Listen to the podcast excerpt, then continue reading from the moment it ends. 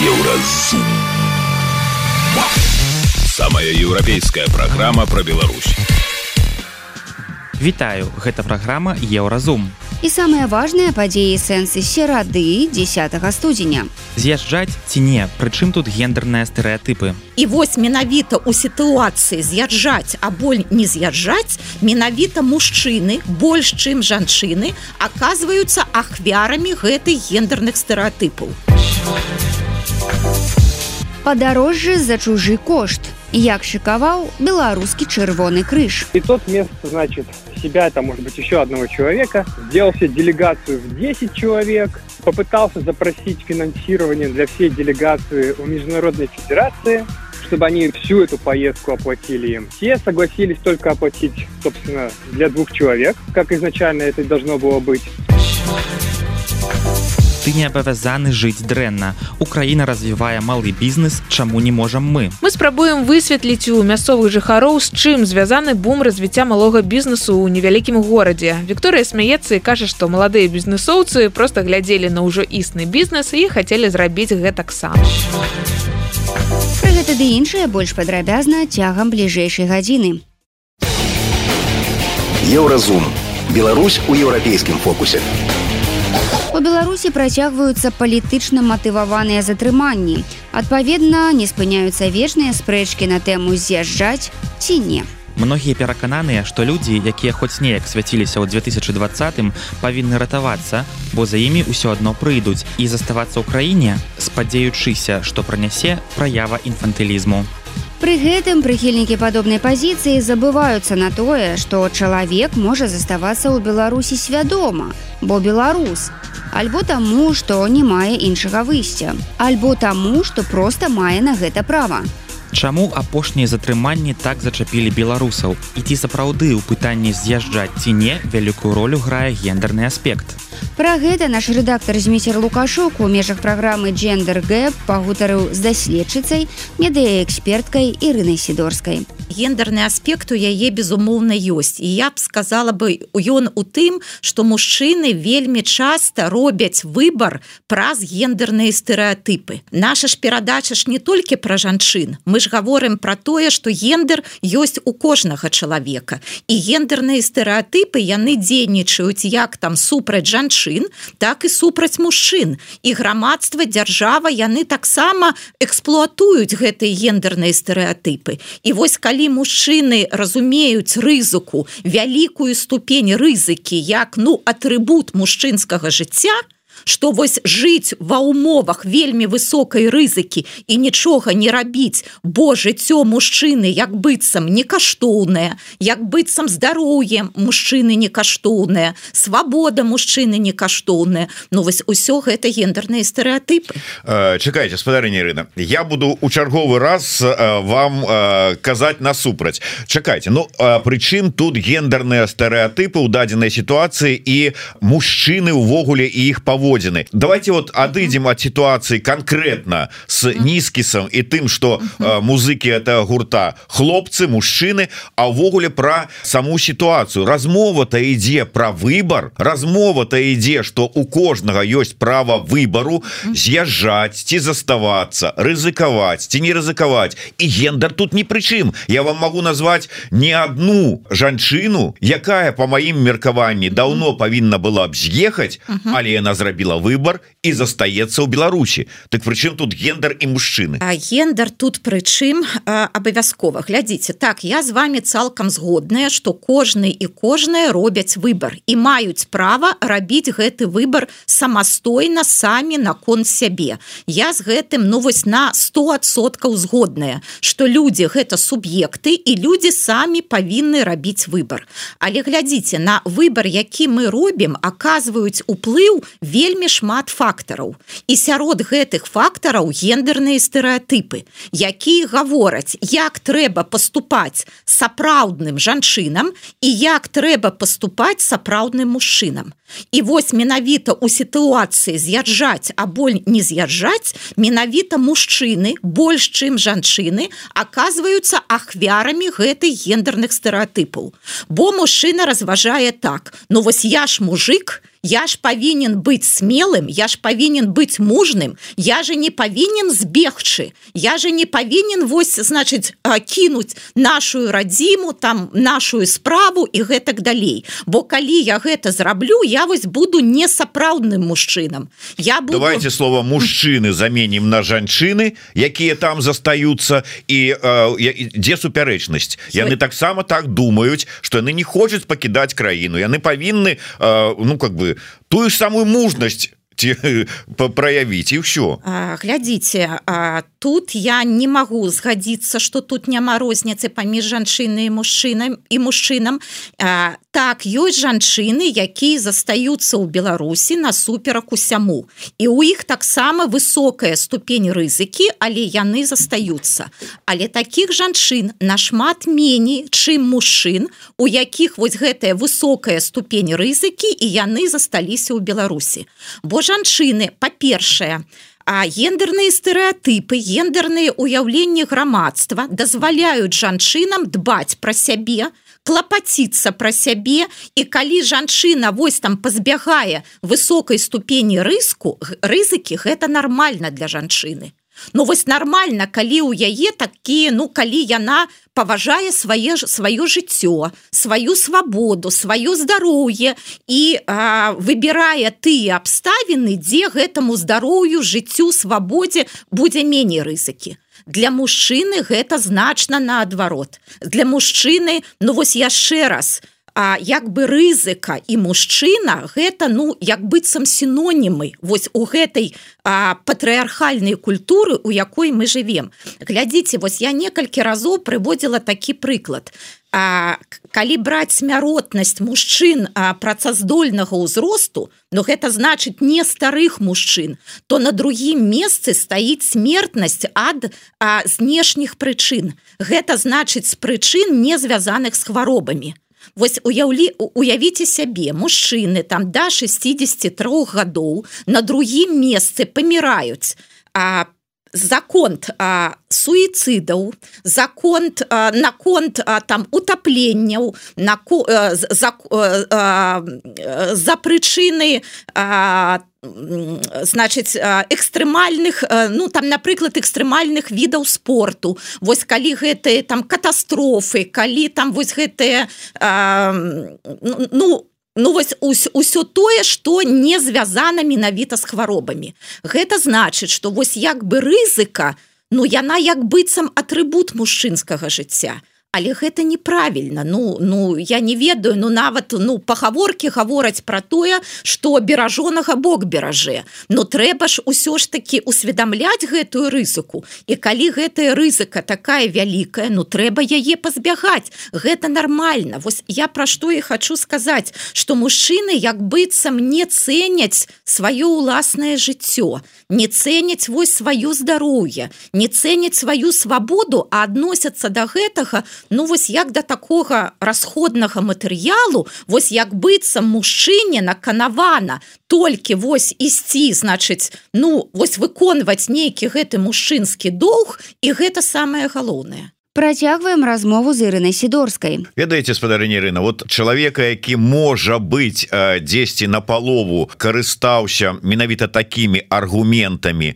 застаўся і зараз знаходзіцца за кратамі Я ведаю аднаго як мінімум. Не аднаго ведаю но вот адзін конкретно з якім мы гаварылі абгаворвалі вот гэтую тэму пакуль ён быў на волі. Пераважная большасць усіх астатніх застаюцца не вось за гэтых вось патрыархальных нейкіх уяўленняў так так як павінен дзейнічаць сапраўдны мужик а таму что у іх там хворыя бацькі якіх трэба і няма каму даглядаць. Таму что можа быть жонка умоўна кажучы адмовілася ехаць і ён таксама не паехаў тому что ён хоча захаваць сям'ю. Таму что яшчэ нейкія іншыя прычыны. А не вот завод гэтага як вы кажаце патрыархальнага уяўлення про мускуль мускуліннасць мужика у паводзінах не згодная з вами глядзіце про тое что у кожнага і у кожнай ёсць свае абставіны гэта вось гэ, з гэтым цалкам згодныя. І яшчэ раз я тут не для таго каб сказаць что вось усе сабраліся і усе з'ехалі. Ні ў якім разе. Я про тое каб калі людзі прымаюць рашэнне ехаць ці заставацца і асабліва перш за ўсё мужчыны рабілі гэты выбор свядома Вось я про тое і гавару каб людзі заставаліся суб'ектамі каб яны рабілі свядомы выбор і вось думалі А што уздзельнічае на мой выбор І можа гэта на самой справе вось мае ўяўленні пра тое, як правільна паступаць мужчыне, а як неправільна паступаць мужчыне. Так вось моя задача зараз вось як эксперткі, якая вось мае праз вашае медыа магчымасць вярнуцца да аўдыторыі, сказаць мужчынам, каб яны разумелі, што вось ёсць гэтыя гендерныя стэеатыпы, якія прадпісваюць мужчынам гэту высокую ступень рызы рызыкі якія прадпісваюць ім а не дбаць пра сваё жыццё пра сваё здароўе пра сваю свабоду ва імя нейкіх міфічных ідэалаў гэта одно а по-другое что яшчэ дзяржава что зараз рэжым ён актыўна маніпулюе грамадскай думкай. Вось глядзіце чаму напрыклад людзей якія з'ехалі з беларусі рэжым называе збеглымі. Схадзіцеся гэта вельмі такое непрыемнае слово. А збеглыя нават там ну хто як яшчэ здраднікі называюць. Ну гэта вельмі непрыемна адчуваць сябе збеглымі здраднікамі. І для мужчын перш за ўсё. І вось так рэжым маніпулюе. Ты ж не хочаш быць быць здраднікам ты ж не хочаш быць збеглым. Ты ж сапраўдны мужик ты ж застаешься і ты ж будзеш тут рабіць сваю справу Ну тут конечно вельмі шмат аспектаў тому что с аднаго боку да хтосьці кажа я не могу з'ехаць тому что вот у мяне там напрыклад хворыя бацькі і мне трэба іх даглядаць аргумент ёсць іншы. Калі тебе забяруць і пасадзяць як ты дапаможаш сваім хворым бацькам? Але ведаеце чалавек потым з'едзе вот ён у бяспецы Ён на свабодзе а бацькі пакутаюць там без дапамогі. І як яму выжыць і вот э, знайсці сабе нейкае прабачэнне што ён их кінуў. Мы все разумеем да ты Мачыма ўжо сядзеў. А можа не сядзеў думае чалавек. Ну так вось я пра што і гавару што вось мужчыны так і думаюць. А можа можа будзе... так думаюць ну. Ну Ну нейкая частка жанчын так але значна меншая. Жанчыны больш адказныя ну можа за, за сваіх дзяцей у тым ліку за бацькоў. Вось яны будуць думаць больш а калі вось мяне пасадзяць ці будзе лепей маім бацькам Вось можа такой логікай яны менавіта. Ну вось глядзіце ну ну прыклады. Вось зусім нядаўна была арыштавана маці марго ворыхавай якая дарацца святланы ціхановскай па моладзевых справах. Вось яе пасадзілі менавіта за, за дачку на 15 сутак. Калі яе выпусцілі вось яна пакінула Беларусь Ну яна ж вось таксама давала інтэрв'ю і она гаворыць канешне яна не хацела пакідаць Беларусь але яна не хоча падстаўляць сваю дачку і яна ну даражыць сваім здароўем і сваім жыццём Ну вось гэта мне здаецца нармальныя паводзіны глядзіце вось я яшчэ раз. Калі ты у цябе высокая рызыка і ты чакаеш пасадзіць цябе альбо не пасадзяць Ну ты як бы прымаеш усё ж таки пазіцыю ахвяры ахвяры рэжыму Вось дабярэцца да цябе рэжым альбо не паспее да цябе дабрацца. А вось калі ў цябе высокая рызыка і ты вырашаеш что ты не будзеш у таких абставінах что ты пакінеш Беларусь Ну вось тады у цябе суб'ектная пазіцыя. Тады ты не ахвяра. Так с аднаго боку рэжым тебя выціскае ён табе там ну не дазваляе заставацца ў сваёй краіне але ты актыўны тады. Ты не становішся вось гэтай як бы ну вось ахвярай рэжыму. І яшчэ момант пра вось больш вядомых людзей. Мы спачуваем людзям на пакаянных відэо якіх мы бачым першы раз у жыцці. Але калі гэта музыкі то калі гэта людзі як песні якіх мы добра ведаем якіх мы бачылі альбо жыўцом альбо ў кліпах но гэтыя людзі нам зусім як родныя. Вось яны як нам блізкія знаёмыя і гэтак далей. І калі мы бачым іх на пакаянных відэо но мы вось такую як бы боль атрымліваем. І глядзіце тут нават не тое что ну типа гэта там ваши праблемы что вось там у вас штосьці баліць. Гэта же якая дэмат дэматывацыя дэматывацыя вось гэтыя пакаянныя відэо яны ж робяць і две як бы функцыі. Дэматываць дэматываваць людзей і напужаць людзей. Вось гэта ж і ёсць такі інфармацыйны таталітарызм калі пасадзілі аднаго але ўбачылі пра гэта 100 тысяч. І 100 тысяч трыгернула. Мы слухали гендерную даследчыцу медаэкспертку Ірыну сідорскую Яна прааналізавала сітуацыю з затрыманнямі ў Беларусі з пункту гледжання гендера. Далі ў праграме еўразум. Падарожжа за чужы кошт, як шыкаваў беларускі чырвоны крыж. И тот место, значит, себя, там, может быть, еще одного человека, сделал себе делегацию в 10 человек, попытался запросить финансирование для всей делегации у Международной Федерации, чтобы они всю эту поездку оплатили им. Те согласились только оплатить, собственно, для двух человек, как изначально это должно было быть.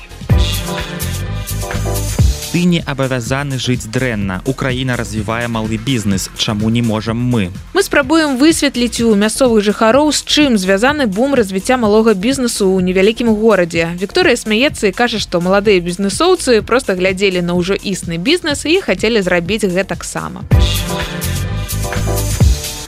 Сустрэнемся пасля музычнай паўзы і навінаў спорту.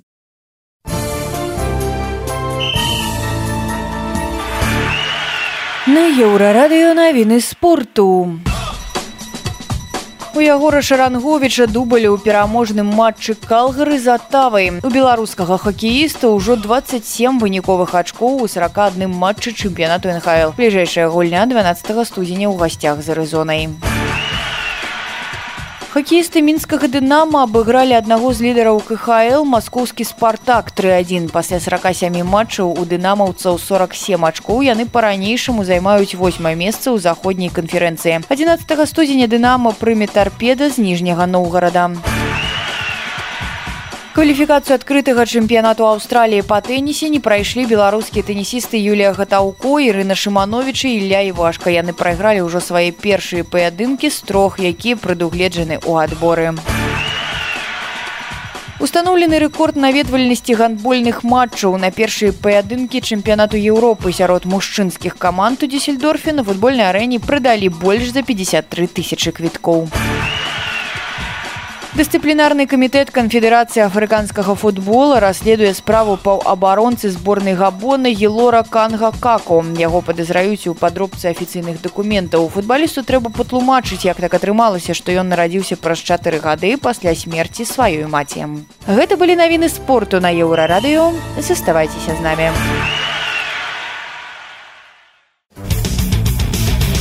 Еўразум. Жыві ў рытме еўропы. у За гады свайго існавання у незалежнай беларусі беларускі чырвоны крыж неаднаразова рабіўся прычынай скандалаў. Добраахвотна прымусовыя сяброўскія складкі удзел у выбарчых камісіях вываз дзяцей з закупаваных тэрыторый Украіны спіс можна працягваць І вось дзякуючы новаму расследаванню выдання бюро шырокая публіка даведалася як жыве чырвоны крыж под кіраўніцтвам цяперашняга генсека Дмітрая шаўцова Ну то бок за чый кошт той лётая са світай у міжнародныя камандзіроўкі, як размяркоўваюцца замежныя грошы ў межах міжнародных праектаў і гэтак далей. Чаму журналісты вырашылі капаць пад шаўцова, за якія грошы той жыве ў рыме у гатэлях прэміум класа і якая будучыня яго чакае. Запыталіся ў аднаго з аўтараў расследавання Алексея Карпекі. Ну нас заинтересовала эта тема еще когда стало известно про то, что Красный Крест участвует в вывозе украинских детей с оккупированных территорий. И одновременно с этим э, киберпартизаны взломали почты Красного Креста, да, и выкачали там гигантские архивы их документов, к которым мы получили доступ. И мы начали в них всех копаться, смотреть, что там, чего есть интересного. Ну и пока что остановились вот на этих историях про Шевцова. Про Шевцова можно сказать сразу, что это человек максимально провластный, годами находящийся в этой системе. Не совсем понятно, но, вероятно, у него есть те, кто за него впрягаются, знаешь, в государственной системе. То есть есть какие-то покровители. Потому что мы вот нашли связь его с э, бывшим помощником Лукашенко, который был до Андрейченко спикером парламента. Получается, Шевцов его сменил на посту главы одного из там православных фондов. Ну, вряд ли какого-то случайного рядового человека, пусть даже там на тот момент он был депутатом парламента, да, вряд ли такого человека просто берут и ставят на такие позиции.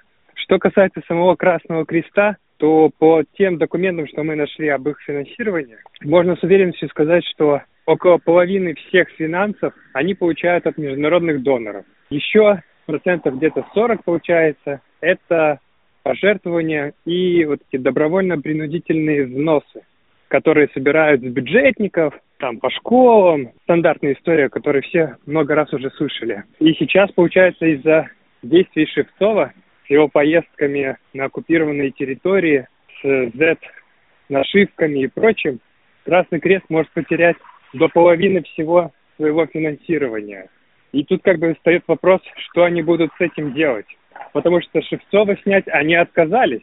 Пока он будет возглавлять Красный Крест, международное финансирование они не получат. Ну, со стороны Федерации Красного Креста и полумесяца, и со стороны, как мы узнали, еще и агентств ООН, которые сейчас активно ищут другие организации, да, может быть, там напрямую будут работать с кем-то в Беларуси, чтобы продвигать свои проекты. Так что ничего хорошего для Красного Креста сейчас не будет, пока Шевцов будет э, его возглавлять. Як выглядаюць міжнародныя паездкі Дмітрая Шаўцова, за чый кошт банкет. Працягваем размову з журналістам-расследовальнікам Алексеем Карпеком. Получается так, что такие поездки, они организовываются. Вначале приходит письмо, приглашение от, э, например, там, итальянского Красного Креста. Они приглашают там делегацию, но тут по-разному бывает. Чаще всего оплачивает принимающая сторона, но в случае с Италией было не так. Все оплачивал сам Белорусский Красный Крест. Часть денег они взяли из э, пожертвований, да, так называемые собственные средства Красного Креста. А часть средств они, получается, запросили перевести с проектов, которые они вели, в том числе, которые финансировались итальянским Красным Крестом. То есть там, допустим, был проект клоунотерапии для детей. В ходе проекта не все деньги были потрачены, там они объясняли это ковидом, еще чем-то. И получается, что те деньги, которые оставались по договору, они должны были их вернуть итальянскому Красному Кресту обратно. Но вместо этого они запросили возможность на эти деньги оплатить свою поездку в Италию, например. Получается, что не колонотерапия для детей, а поездка для руководства Красного Креста в Италию на там, почти неделю. Да, и эти средства покрыли половину всех расходов поездки в Италию, например. Что касается Турции, то там вообще изначально запрашивался один человек, ну, грубо говоря, письмо пришло только на председателя президиума э, Красного Креста, это замминистра здравоохранения Чередниченко.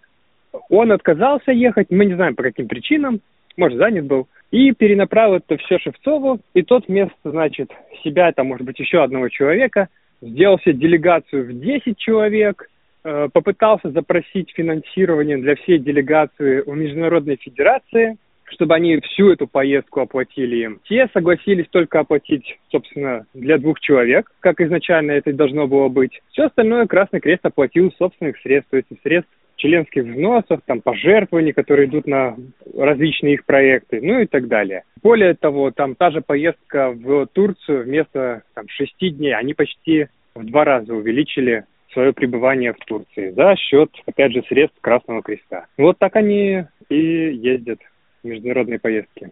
Ну, то бок вельмі часта яшчэ выкарыстоўваюць гэта для сваіх мэтаў нават часцей чым мы можем себе думать ну конечно вот э, например тот же шевцов вот только он более-менее устроился тут же себе новую машину за деньги красного креста купил они проводили тендер купили новую джили и как только они зарегистрировали на Красный Крест, он там чуть ли не на следующий день на ней уехал там в командировку. И за ним еще эту машину и закрепили по документам. То есть э, закрепление означает, что он может ее, ей ежедневно пользоваться как служебным транспортом. Так, что он еще не только ездит в поездки за счет Красного Креста, но и себе машину новую купил, по сути своей. Праз паездкі на акупаваны Донбас з нашыўкай Z і ўдзел у вывазе украінскіх дзяцей у Беларусь міжнародная федэрацыя чырвонага крыжа запатрабавала ў беларускіх уладаў змяніць шаўцова. Маўляў, у іншым выпадку беларускі філіял пазбавіцца фінансавання. шаўцова не знялі фінансаванне спынілі некаторыя краіны увялі супраць яго санкцыі што чакае гэтага чыноўніка вось што думае алексей карпека Думаю, ничего для конкретно для Шевцова глобально не поменяется. Да, сейчас он э, пошел избираться в парламент в очередной раз. Сформирована его инициативная группа по сбору подписей.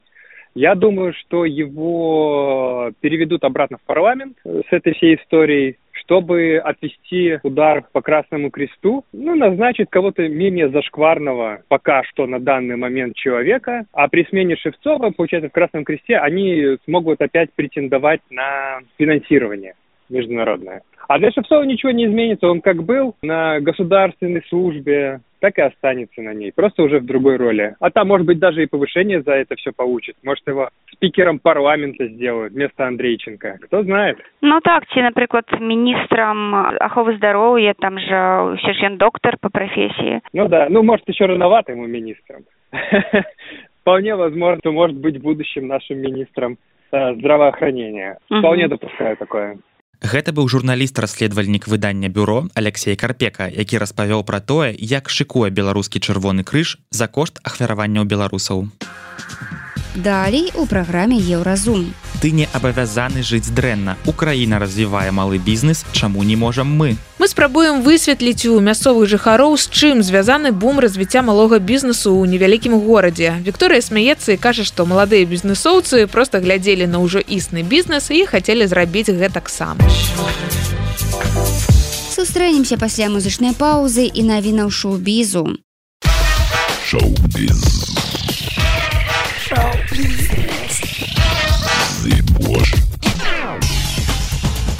Вітаю гэта навіны шоу-бізу стваральнік фільма атрад самазабойцаў дэвід эйр аб'явіў сваю рэжысёрскую версію лепшай экранізацыі коміксаў студыя прайшла праз некалькі змен кіраўніцтва але ні ў кого з уцягнутых у гэты працэс не было злога намеру або недобразычлівасці ці чагосьці яшчэ. Усе просто хацелі аднаго выніку зняць выдатны камерцыйна паспяховы фільм. Просто былі розныя ўяўленні аб тым якім менавіта ён павінен апынуцца. Я зняў выдатны фільм. Тыя хто бачылі маю версію практычна аднадушна адносна сцвярджалі што гэта адна з лепшых экранізацый калі-небудзь знятых. Калі хтосьці хто бачыў рэжысёрскі варыянт і жадае аспрэчыць гэта тады ён можа проста прыйсці пагаварыць са мной распавёў дэвіта У новага ваеннага фільма Гая рычы міністэрства не джентльменскай вайны з генры кавілам у галоўнай ролі з'явілася дата прэм'еры 19 красавіка 2024 Такім чынам фільм Лайонсгет будзе супернічаць у пракаце з яшчэ не атрымаўшым афіцыйнай назвы трылерам аб монстрах які радиосайленс здыме на студыі Universal. У ЗША адбылася цырымонія ўручэння ганаровых прэмій Оскар 2024, якімі амерыканская кінаакадэмія адзначае асаблівыя заслугі ў развіцці кінематографа. Сёлета лаўрэатамі сталі папулярная актрыса Анджела Басет, знакаміты галівудскі рэжысёр, сцэнарыст і прадюсер Мэл Брукс, якому споўнілася 97, спецыяліст па мантажы Кэрол Літлтон і Мішель Сатар, якая прадстаўляе інстытут Сандэнс. Галоўнае шоу амерыканскай кінаіндустрыі пройдзе 10 сакавіка. Гэта былі навіны шоу-бізу, заставайцеся на хвалях еўрарадыё.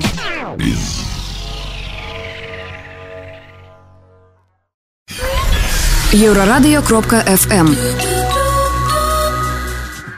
беларускія ўлады працягваюць ціснуць на іпэшнікаў. Напрыклад з новага года ўведзены павышаны падаходны падатак калі прыбыткі індывідуальных прадпрымальнікаў перавышаюць 500 тысяч рублёў за год. Цяпер яны мусяць плаціць дзяржаве 30соткаў ад усіх прыбыткаў а не 20 як было летась і перайсці ў юрасобу у гэты самы час ва ўкраіне, якая гераічна змагаецца супраць расійскіх захопнікаў, цвіце малы і сярэдні бізнес. Людзі працягваюць адкрываць кавярні, шыць і прадаваць адзенне і стрыгчы кліентаў. І дзяржава робіць усё, каб яе грамадзяне маглі зарабляць, тым больш у такія цяжкія часы.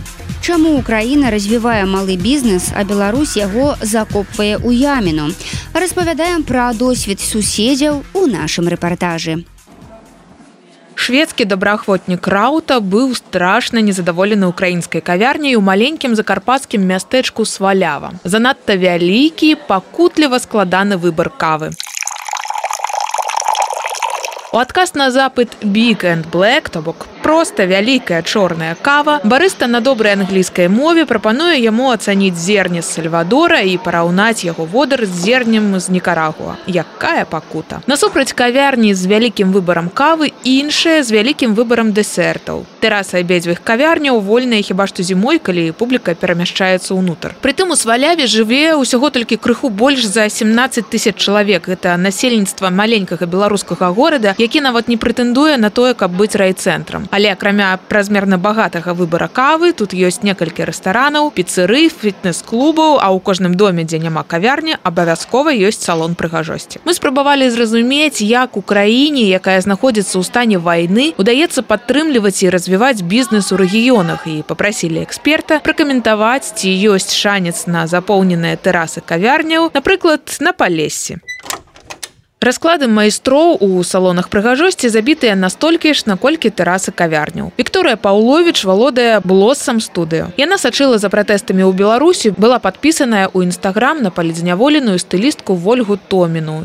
Тая выйшла на волю ў снежня 23 -го года. Сваю студыю Вікторыя адкрыла не найлепшы для бізнесаў час напярэдадні разгару эпідэміі кавіта потым прыйшла вайна. У пачатку вайны была думка закрыцца але вырашыла гэтага не рабіць. Разумела што я нікуды не паеду што хачу жыць тут і працаваць тут. У нас самае складанае пры адкрыцці бізнесу знайсці добры персанал а астатняе не цяжка я марыла пра сваю справу каля 5 гадоў але падрыхтоўка да адкрыцця заняла ўсяго 3-4 месяцы так у сваляве шмат салонаў але такога фармату і ўзроўню аказання услуг толькі ў мяне Так распавядае нам пра свой бізнес Вікторыя. Маладыя бізнесоўцы ва ўкраіне могуць разлічваць на грант ад дзяржавы, але Вікторыя па яго не звярталася, кажа гэта доўга і марудна. Спрабуем высветліць у мясцовых жыхароў, з чым звязаны бум развіцця малога бізнесу ў невялікім горадзе. Вікторыя смяецца і кажа, што маладыя бізнесоўцы проста глядзелі на ўжо існы бізнес і хацелі зрабіць гэтаксама. Дырэктар мясцовага гатэльнага комплексу Фёдор Тацэй упэўнены, што гэта звязана з блізкасцю Еўропы і еўрапейскім менталітэтам жыхароў закарпацця маўляў нават калі яны выязджаюць за мяжу а выязджаюць многія яны вяртаюцца з жаданнем зрабіць гэтакую ж смачную каву і такія ж дэсерты якія яны спрабавалі ў Еўропе дома. Мы звярнуліся па каментар да навуковага супрацоўніка цэнтра эканамічных даследаванняў бюрок олега мазаля і спыталі ці магчыма вырашыць праблемы дэпрэсіўных рэгіёнаў у беларусі праз адкрыццё некалькіх кавярняў або пунктаў по побытавага абслугоўвання. То бок салона прыгажосці Людзям, якія жывуць у сельскай мясцовасці, трэба забяспечыць даступнасць сацыяльных паслуг, аховы здароўя, адукацыі, побытавых паслуг, магчымасць працаваць. У замежных краінах працуюць цэлыя праграмы развіцця адсталых рэгіёнаў, скіраваныя на прыцягненне ў гэтыя рэгіёны новага бізнесу стварэння працоўных месцаў. У Беларусі ў розныя гады рэалізаваныя праграмы стварэння аграгарадкоў, якія значных вынікаў не прынеслі. Так паводле дадзеных сусветнага банка у 2022 годзе у беларусі у сельскай мясцовасці жыло ўсяго 19,7 адсоткаў насельніцтва у той жа час у польльшы 39,9 у літве 31,5 можна казаць што разбурэнне ўмоў пражывання насельніцтва ў сельскай мясцовасці ў беларусі набыло пагрозлівы і магчыма незваротны характар.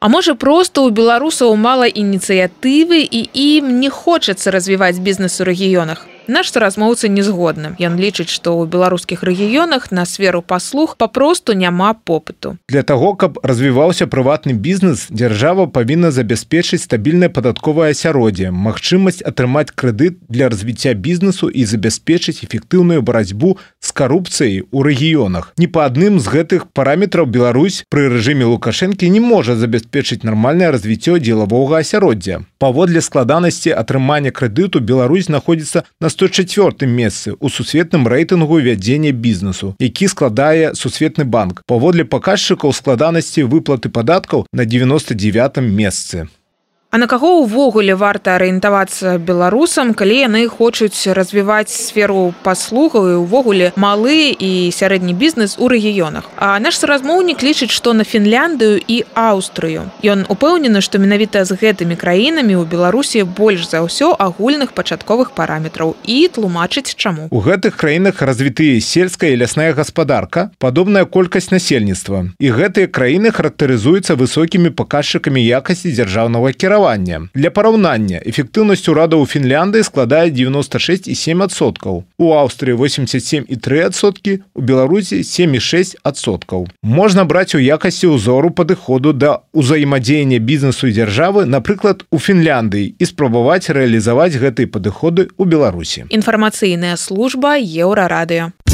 Еўрарадыё. Твоя улюбёная хваля